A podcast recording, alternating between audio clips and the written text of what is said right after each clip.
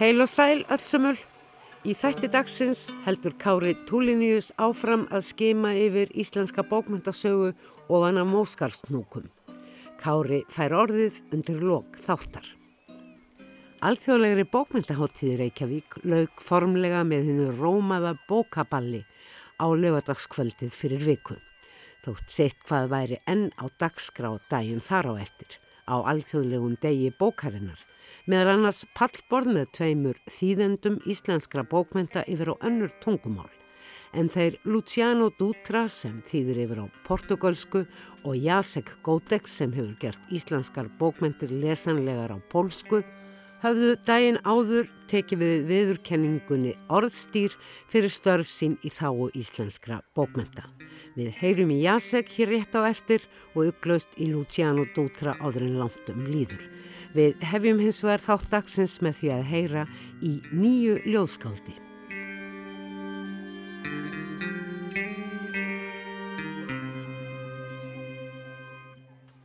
Áslög Jónsdóttir er löngu landsfræg. Að minnstakosti hafa engir sem eiga börn, tengjast þeim eða hafa með þau að gera með einhverjum hætti komist hjá því að kynnast ótal og ægi fallegum myndabókum hennar um litla skrimslið og stóra skrimslið. Um, Hotlustu þess að borða fisk, já eða finnast fiskur bara alls ekki góður. Þá hefur Áslög líka myndlist fjöldabóka sem aðrir hafa skrifað en allt í einu og skindilega sendi Áslög frá sér allt annars konar bók. Ljóðabókina til minnis.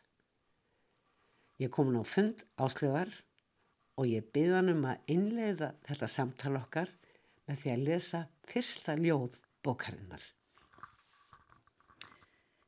Geng útfyrir, kasta spurnum í bleikartjarnir, veiði undursamlegar þagnir. Djúft í köldum fyrði, kvíla voröldur, býður vonarklak. Við ísklebra á klöppum, er þagnað allt fuggla kvakk. Tel sjávar orpin steinegg í yfirgefnum hreðrum, legg við hlustir, nefn nið af bremi, fissandi fjarska, svo fellur að.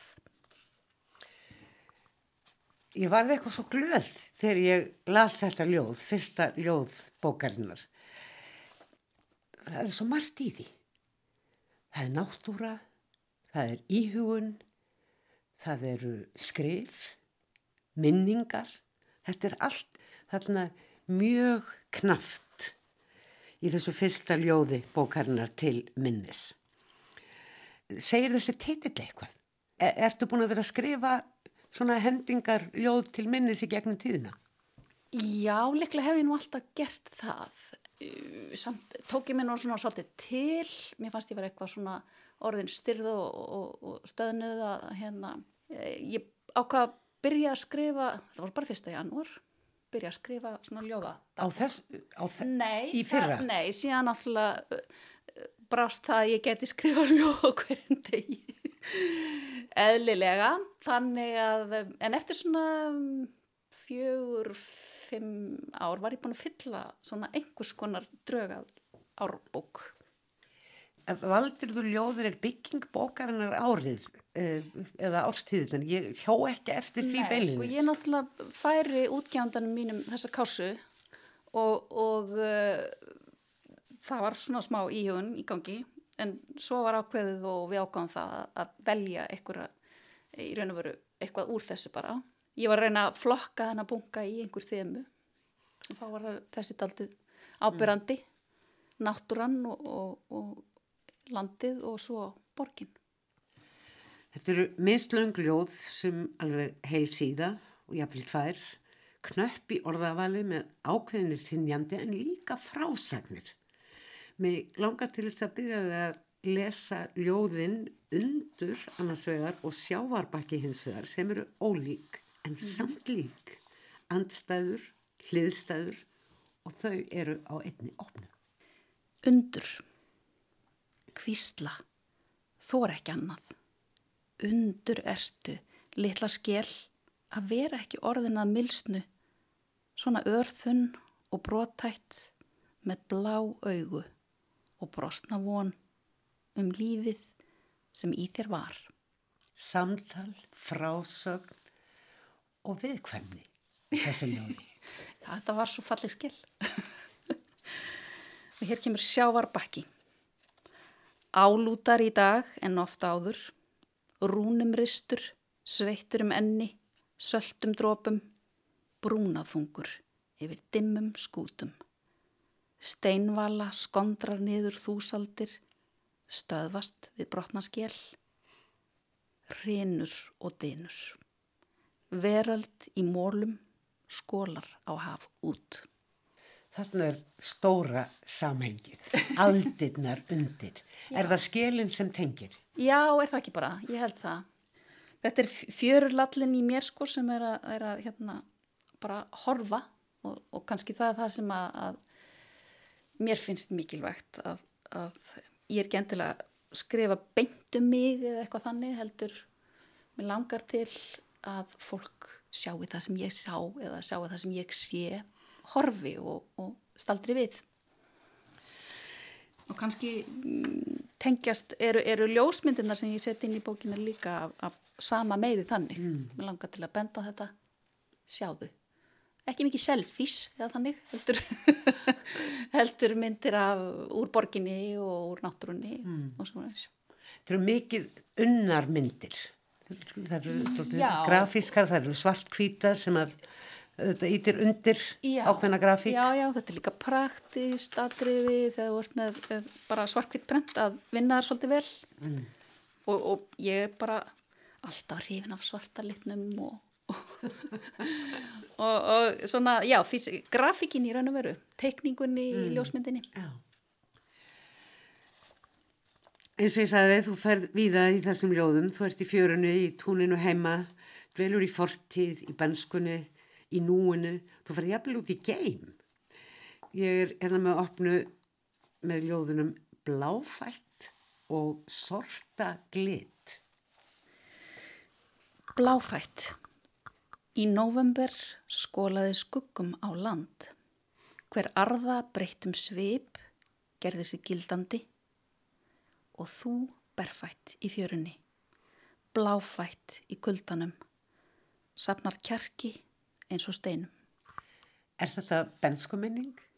Já, eða bara, geti verið í dag. Ég fyrir oft úr skóm og sokkum ég er í fjörunni. Já, það er svolítið svo leið, sko. Ég hlýði tjaldinu bara, mm. en reyndar hann ekki í november, en, en hérna, það er líka hægt að vaða í sjó í november í góðu veðri sorta glit. Í nótt hækkuðu stjörnurnar rómin, skutust á milli heiminkvolva á glannalegu geimflugi, leku á lýrur og lísta strengi, söngva um sorta glit. Liftrandi Venus daðraði við tunglið og dimratað hafið, muldraði þökk fyrir glóandi gárur. Sváfuð þá allar verur í djúpi, breytist sorg í sátt. Þetta er svona, hvað ég segja, óvinnið þúnt ljóð miðað við hinn, samanborðið hinn. Kannski. Já, já, þetta er svona, já, nætur ljóð og, mm. og, og áfram er þetta svona náttúrulýsingar líka. Það voru ekki síst titlar ljóðana en líka þetta út í geim annars vegar mm. og heið uh, smáa og það sem er manni næst í uh, ljóðinu bláfætt en titlarnir bláfætt og sorta glit. Hvaðan koma þessi orð? Þú ert með á víð og dreif orð sem að já, fallegt.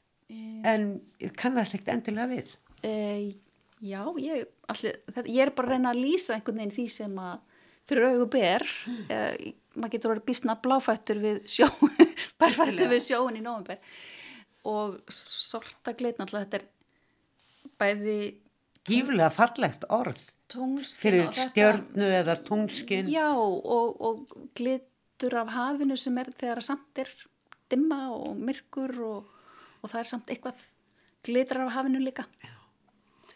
þú fer mikið í göngutúra hvar sem er. Bæðin er á sjónum og út yfir móa og svo gengur þau bara mikið í borginni eða horfir mikið á landslæðið og, og fólkið í síðar hluta bókarinnar sem heitir Næði en fjallar um borginas, um mótsögn að Já. sínu leiti og þar er daldið af fólki á ferli Já. sem að fangar hugaðinn. Já, það, það er auðvitað hérna, í, mann hérna, kemst ekki hjá því og það er bara dásanlegt fyrst mér að fylgjast með fólkinu í borginni og þó maður nú kannski ekki beinlega að liggja á gluggum sko, en þá liggi kannski á mínum gluggastundum og fylgjast með fólkinu sem bara fer fyrir glugga eða, eða hljóðum sem koma inn um glugga og svo auðvitað bara hérna, þetta er, það er svolítið vestubærin og östubærin í borgarljóðunum Já, þú ert ekki alltaf á sama stað.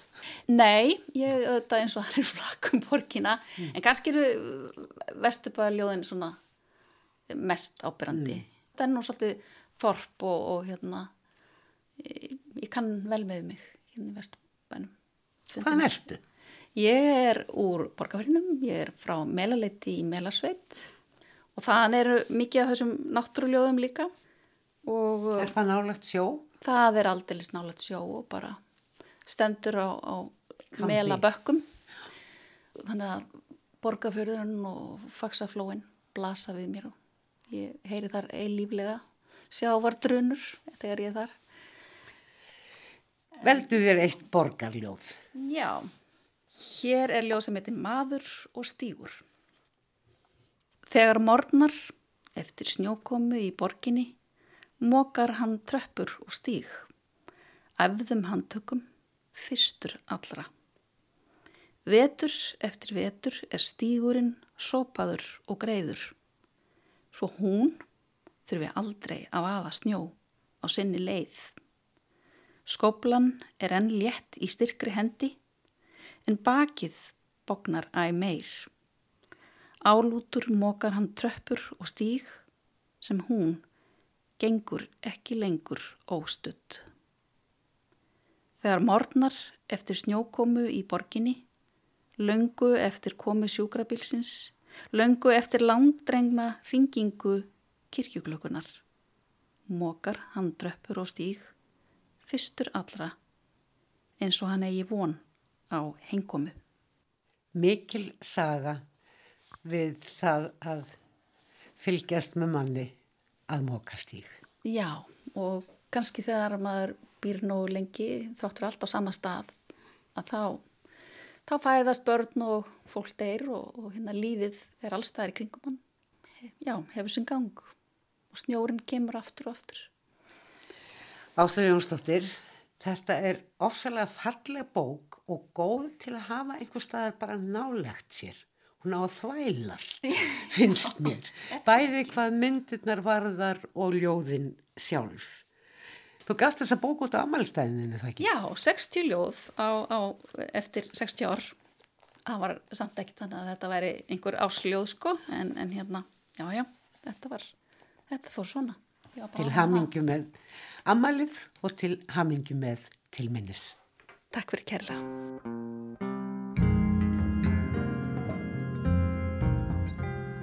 En svo framkom hlutu tveir þýðendur íslenskra bókmynda yfir á önnur tungumál viðurkenninguna orðstýr á dögunum. En orðstýr er veittur að forsetta Íslands annað hvert ára á alþjóðleiri bókmyndaháttíð og nú í fymta skiptið. Að þessu sinni voru það þeir Luciano Dutra og Jacek Gótek sem voru heiðraðir. Luciano er búsettur hér á landu og hefur verið virkur þáttakandi í íslensku bókmyndalífi um árabil, ekki síst með útgáfu sinni Saga Rana. Aug þess sem þýðingar hans á íslenskum bókmyndum yfir á portugalsku hafa komið út bæði í Brasilju og í Portugal. Jacek hins vegar býr í Pólandi og því greip ég hann í viðtal á meðan á döl hans hér vegna orðstýrsins stóð. Hvernig var það fórsettanum? Það, það var ágætt. Voru margir? Það var ekki fyrsta skipti sem ég var hjá honum eða, sko, eða það eru útgefendur frá ýmsum löndum sem að koma hingað líka Já, já, já, já. og, og, og það var sem sagt fullt hús hjá, hjá Guðna, já. Jacek Gótek, þú varst að taka við orðstýr, viðurkenningu, verðlaunum fyrir að þýða íslenskar bókmentir yfir á ellend tungumál og þetta ellenda tungumál er pólska. Hvernig var það að, að, að, að fá þessu velinu? Varstu fann að býða eftir þeim? Eh, það er nokkur ár síðan orðstýr var stopnað. Nei, ég var ekkert, maður hugsaði ekkert út í það. Ég, veist, ég gerði það sem mér finnst ég eh, á að gera og úr því að ég tala íslensku og bjóða á Íslandi þá finnst mér að ég eiga um, þýða íslenska bókmyndir og, og ég bara gerði það hérna viðurkenningin er ekki eitthvað sem maður vinnur fyrir sko, ég vinnur að. En hérna það er aðalmálið er að koma íslenskum bókmentum yfir til Póland sko, á pólsku. Já, ég, hérna, ég glemdi að segja í þakkaræðunni að, að því að ég þakkaði sko uh, íslenskum ríðhöndum, skaldum um, uh, kennurum mínum uh, skóla bræðrum og systrum káeringum en ég gleymdi að þakka þeim öllum sem að hafa skapað og, og gert íslensku að svo fallegu uh, máli og pólskuna að svo floknu máli.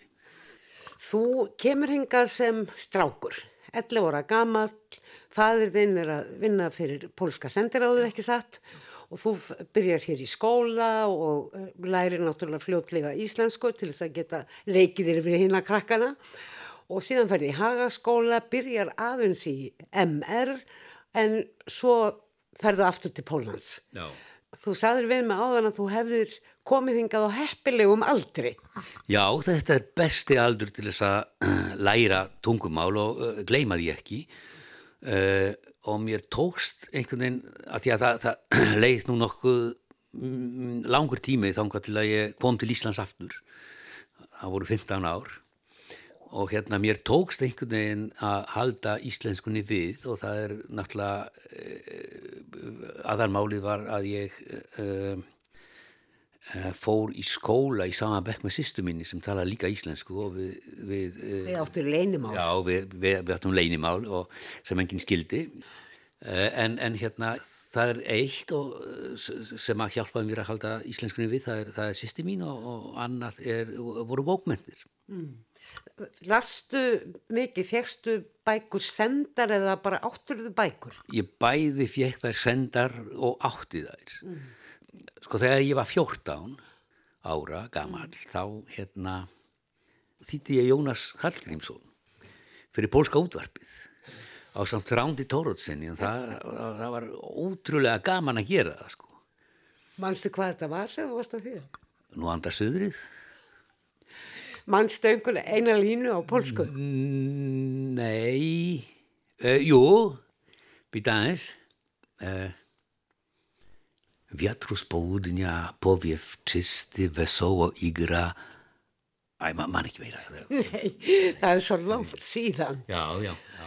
En svo tekur þau stúdanspróf og síðan ferðu í leiklist, Já. ekki satt? Jú, jú, ég fór í leiklist. Það var kannski besta leiðin til að mm, til að komast ekki í, í, í, í um, þessa uh, vélkommunisman sko, í landin. Þetta var svona frelsinsbrettur sem að maður nota sér einhvern veginn sko, og þess vegna kannski fór ég í leiklistina sko og þú vannst við leiklist í mörg ár, ekki satt? Jú, jú. Og einhvern veginn í gegnum leiklistina við helstu einhverju sambandi líka við Ísland. Var ekki leiklistin einhvern veginn tengiliður? Jú, ég þýtti nokkur íslensk leikrið á bólskuðu.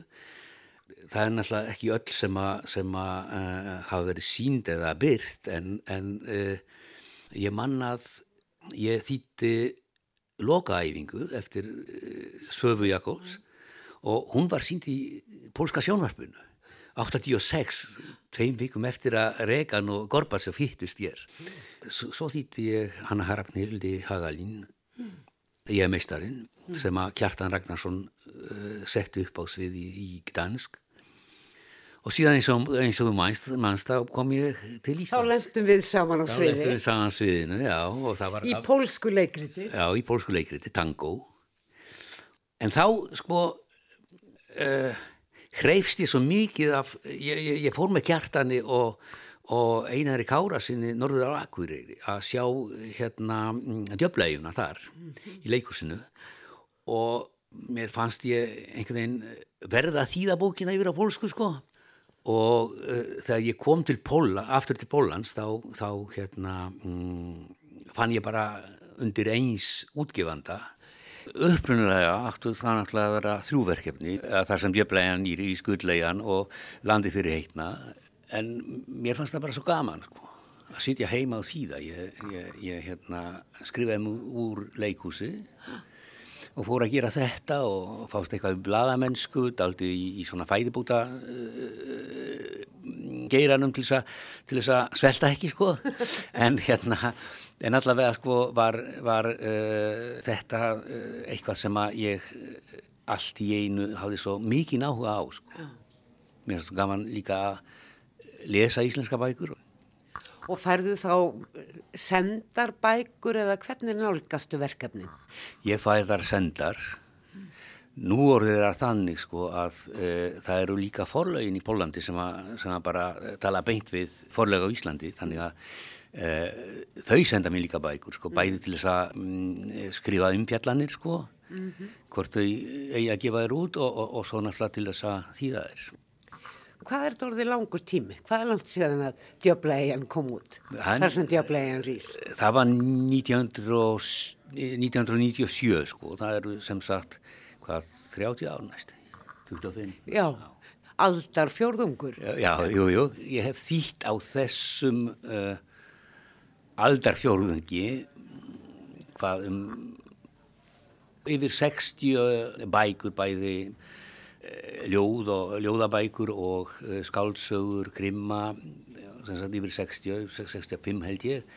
Og svo hef ég þýtt sko slatta af uh, Íslendingasögum og, og hérna fornalasögum, uh, fólksögum, íslenskum sem að ég er uh, með, með, með á neti sko, á, á veð og, og fólki getur náglast þar, mm -hmm. þar er þar. Og, Ertu með heimasíðu þá bara þína eigin þar sem þú byrtir þessar þýðingar? Já, ég gerir það. Ég hef að vísu slakað eitthvað á núna upp á síðgastið það því að sko ég, þú veist ég ég vanist þess að vakna klukkan 5 á mótnana mm -hmm. og hérna og fara að þýða og svo, svo náttúrulega fer ég að sofa eins og allir aðri sko, mm. um miðnætti ja.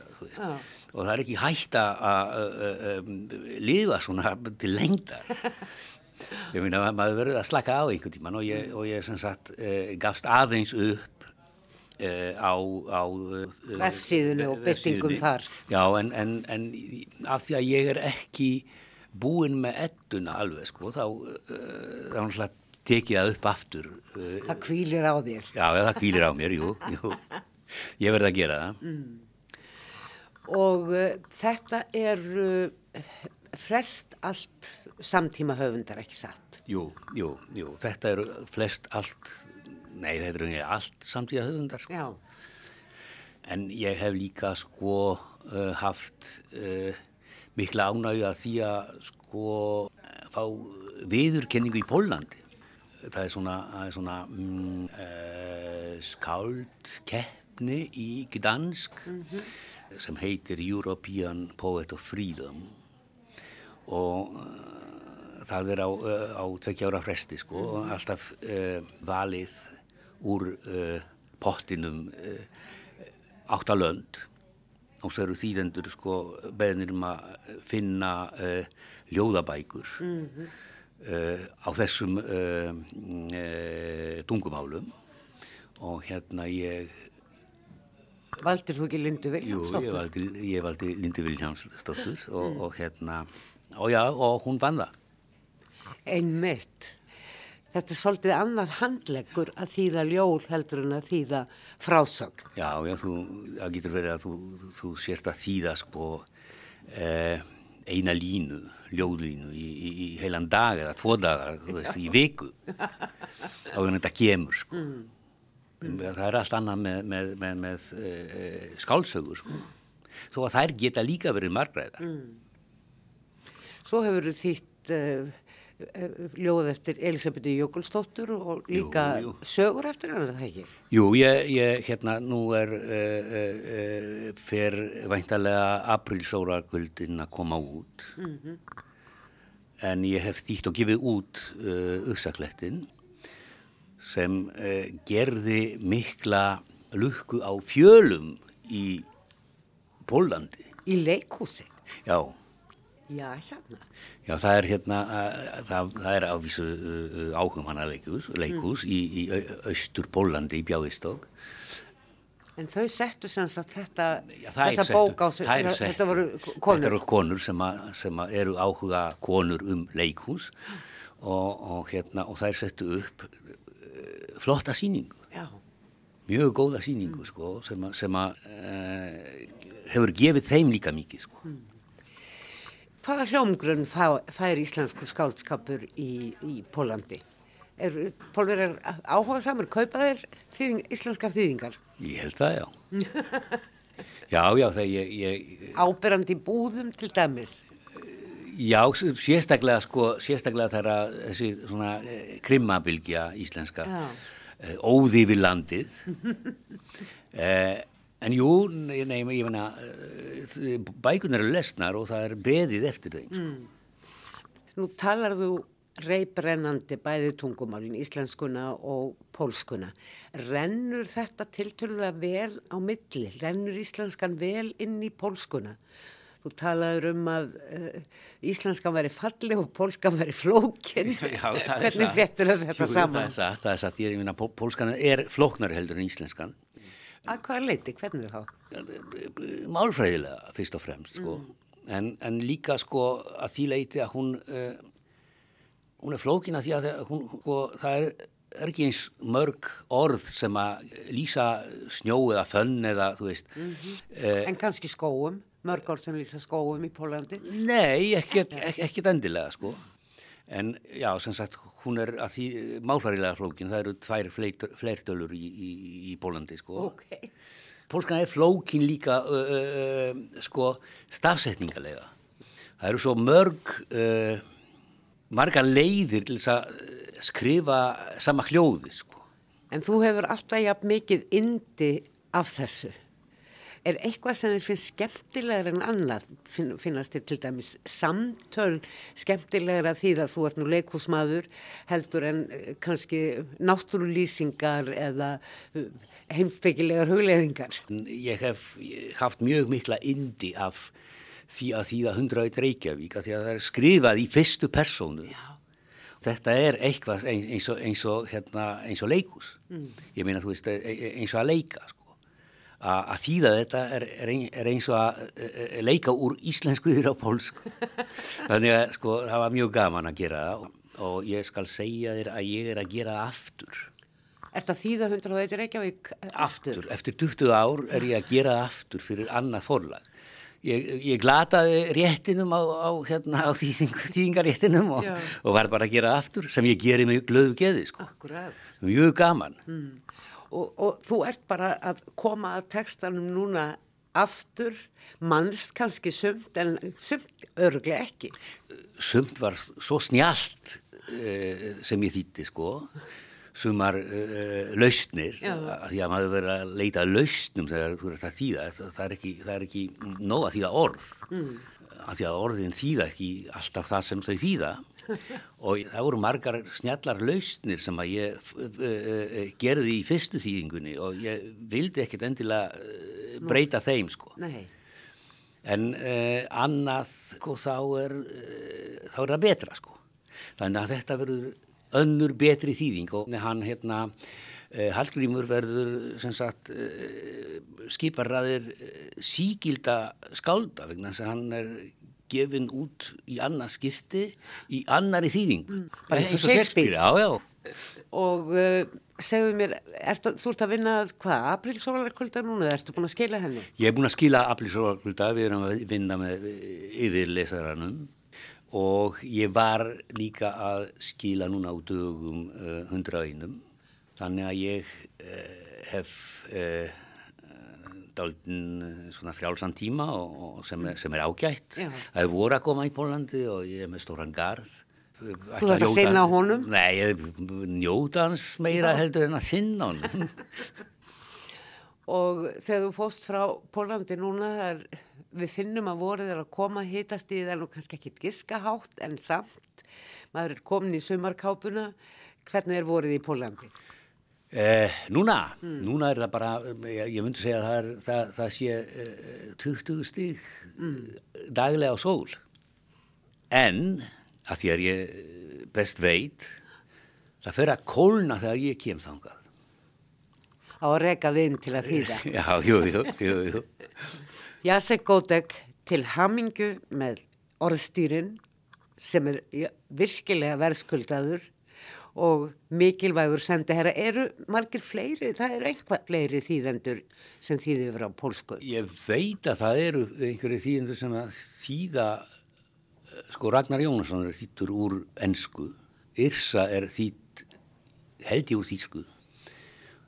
Og það eru nokkrar uh, stelpur sem að þýða úr uh, íslensku yfir að pólsku en mm. uh, þær eru hér á Íslandi ekki. Þannig að þessi miklu fjöldi pólvera sem hefur sett, sest hérna að hann er að gera sér gildandi að einhverju leiti í þýðingum, í menningasamskiptum. Já og hérna mér finnst líka sko mikilvægt að uh, að hérna sína íslensku arfleiðina í Pólandi mm. Ég, er, þetta er eh, land og þjóð með, með, með sterkri sögu og mm.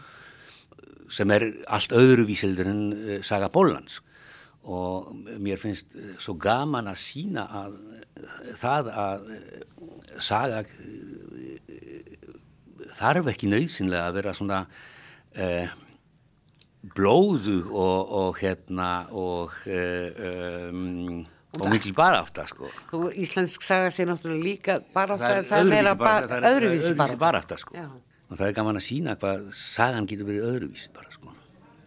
Enn og aftur ég að seg til hamingu og góða færði heim í gardin Takk ekki alveg fyrir.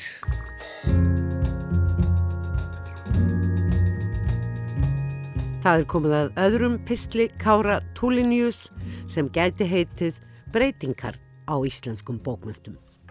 Ég ætla aftur að taka mér stöðu á öðrum móskarsnjúknum og horfa yfir borg íslenska bókmynda. Í síðustu viku myndist ég á þrjá lista þar sem leitast var við að búa til virðingarröð íslenska bókmynda. Sá fyrsti postkostning meðal almennings um bók 20. aldar var byrtur 1999.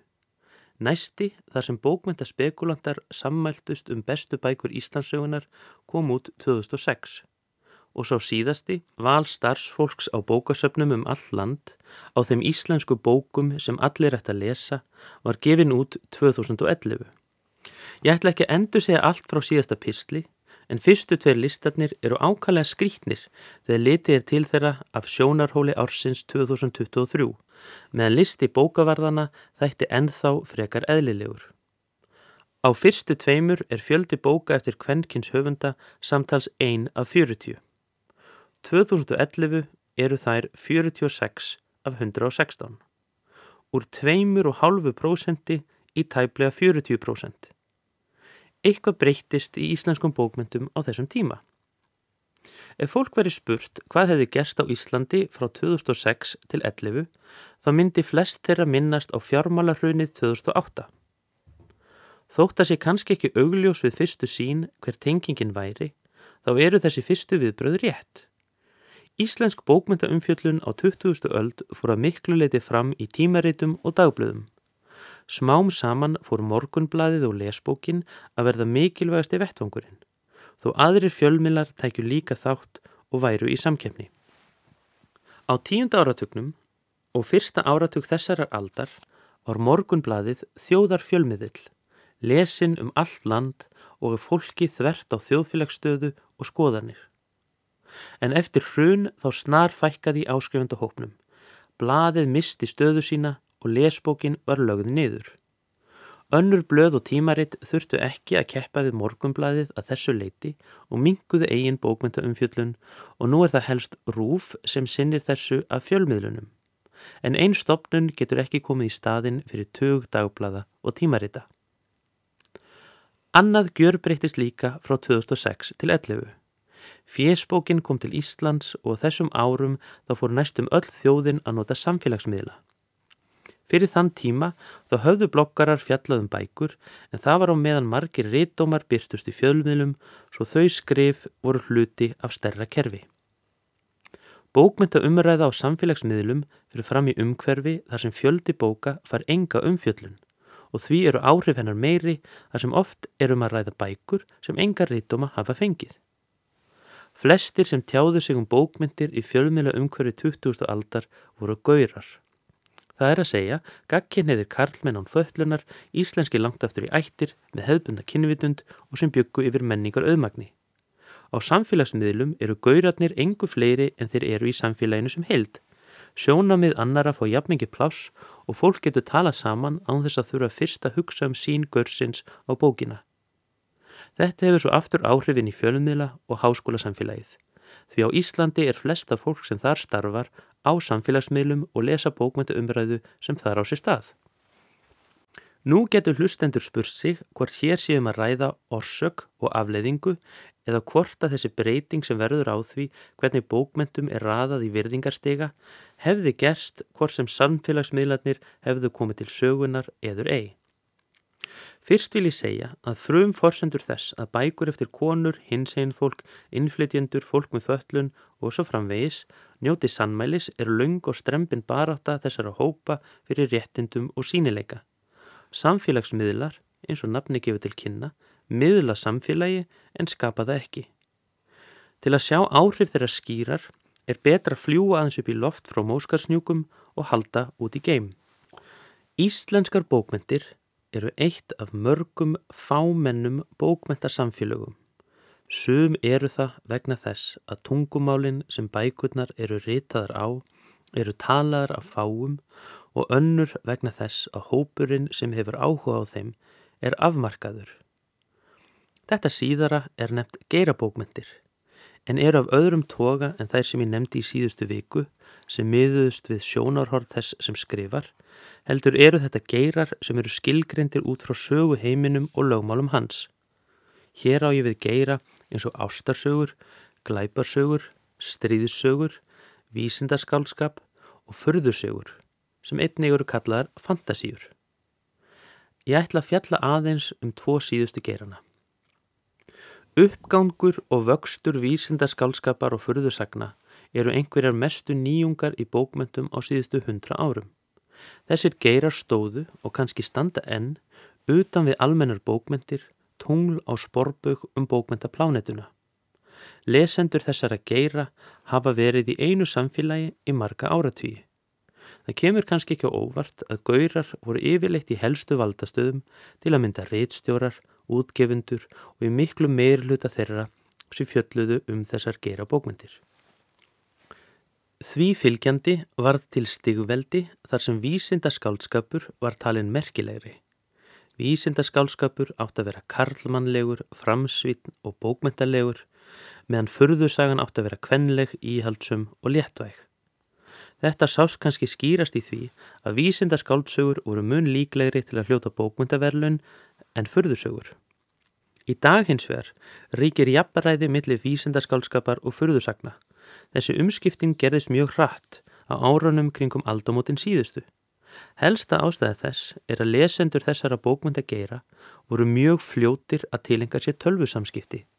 Spjallborð voru orðin vinsæl strax í upphafi tíunda áratugurins og fjöldi blogga og vefverita spruttu upp þegar leið á hann. Þar fengu lesendur sem ekki voru gaurar rými til að tjá sig og gaggríndu ríkjandi viðmið. Hægt og rólega var til nýtt stigvildi sem breytti því hvernig orðstýr bóka var skapaður. Vísinda skálskapur var ekki lengur hinn miðlagi geiri og í raun tók engin geiri við stöðu hans heldur geta allar tegundir bóka komið stað. Á sama tíma fengu höfundar sem ekki voru gaurar meira ploss í umræðinni og þar með líka meiri sölu og fleiri verlun. Þessi þróun eru margt keimleik því sem verður hér á landi áratug síðar. Stigveldi bókmyndana umturnaðist og svo virðingaröð sem hafði orðið til varð úreld. Eina ástæðin sem ég sé fyrir því að samfélag aðdánda vísendaskálskapar og förðursagna hafi orðið fyrri til en Íslandingar er að samfélagsmiðla væðingin átti sér stað áratug fyrr. En nú lendi ég gemfarinu og stíg út úr því á öðrum móskarsnjúknum. Á liðnum áratug var ég einn af þeim sem held utanum útgáfu og reitstjórn ljóðabókaflokksins meðgunguljóða frá 2012 til átján. Árið áður en við byrjuðum þá voru nýja hverjum tíu útgefnum ljóðabókum eftir Karla. Þegar við hættum hafði það gjör breyst. En ímislegt var enn að mestu svipað. Umhverju íslenskra bókmenta var orðið annað en það ljóðform sem hefði verið ríkjandi síðan á tímum atomskaldana á sjönda áratugnum var enn við líði og skaldsögurnar sem komu úr jólapökkunum í fyrra er ekki mikið öðruvísi en þær sem voru undir trénu fyrir tíu árum. Það má spyrja sig hvers vegna svo lítið hefur breyst. Horfum aftur til förðursagna og vísindaskálskapar. Upp úr aldamótunum síðustu eftir að þessar miklu breytingar í umhverfið þessar að geira höfða miklu þetta gengið yfir kom upp stefna meðal höfunda sem fekk nafnið Nýfurðan eða The New Weird á enskri tungu. Nafni vísa til þess horna bókmyndageira sem vísindaskálskapur og fyrðusögur 20. aldar spruttu upp úr á þriðja og fjórða áratögnum og er kallaður Weird Fiction. Það sem nýfurðu skaldin sóttu til þessara fyrirrennara sinna var fyrst og fremst frelsi undan frásagnarhefðum. Höfundar þess tíma virtu að vettu í alla reglur um það hvað má og má ekki í vísindaskálskap og fyrðusögum af þeirri einföldu ástæðu að engar slíkar reglur voru til. Nýfurðu skaldunum fannst að þar sem áður hefði verið opið reytrými, hefði verið byggð hverfi og lagðir vegir og höfundar áratugun á undan höfðu þurft að ferðast eftir ákveðnum brautum í frásögnum sínum. En þessum nýfurður skaldum þótti sem að nýtt reytrými hefði opnast um aldámótin síðustu og þau getur skrifa sögur sem gáttu rúmað alla mannlega reynslu án þess að þurfa að beigja sig undir ríkjandi hefðir. Gott dæmi um þetta er í bókinni Perdido Street Station eftir breska höfundin China Mieville. Parið sem er í sögumiðjunni er samansett úr karli sem er greinilega homo sapiens eins og ég og þú og hins vegar konu sem er með mannlegan búk og útlimi en er með skortir í stað höfuðs, ívilbjöllu líkt á forn egifski guðin Kebri. Ást þeirra er líst nákvæmlega eins og um væri að ræða ást tvekja einstaklinga í raunsægi skáldsögu og það vottar ekki fyrir skrimslavæðingu og förðuverunni sem er jafnbar rétt á í frásögninni og mannlegi elsku í hennar. Eitt af því sem nýfurðan sóttist eftir var að útvika mengi þeirra sem lesendur átt að hafa samlíðan með en þessi hreyfing hafði takmörku áhrif á bókundageran og jafnvel þeir höfundar sem mest höfðu sig í frammi voru að skrifa skálsugur sem fylgdu hefðbundum frásagnar lögmálum. Á Íslandi mátti sjá vísi að svipaðri þróun í upphafi liðins áratugar, nýju réttrými sem höfundar væri að skrifa sig inn í eða ég taldi mig sjáslikt. Nú, í endurliti, Er það kannski svo að ég hafi, líkt og skáld hafa alltaf gert, haldið að ég og samtíða fólk mitt skrifaði í ljósi nýrar sólar. Megin þóri bókmenta fylgir þó gömlu reglunum. Enda hafa grunn aðstæður verið þær sömu síðustu áratögi.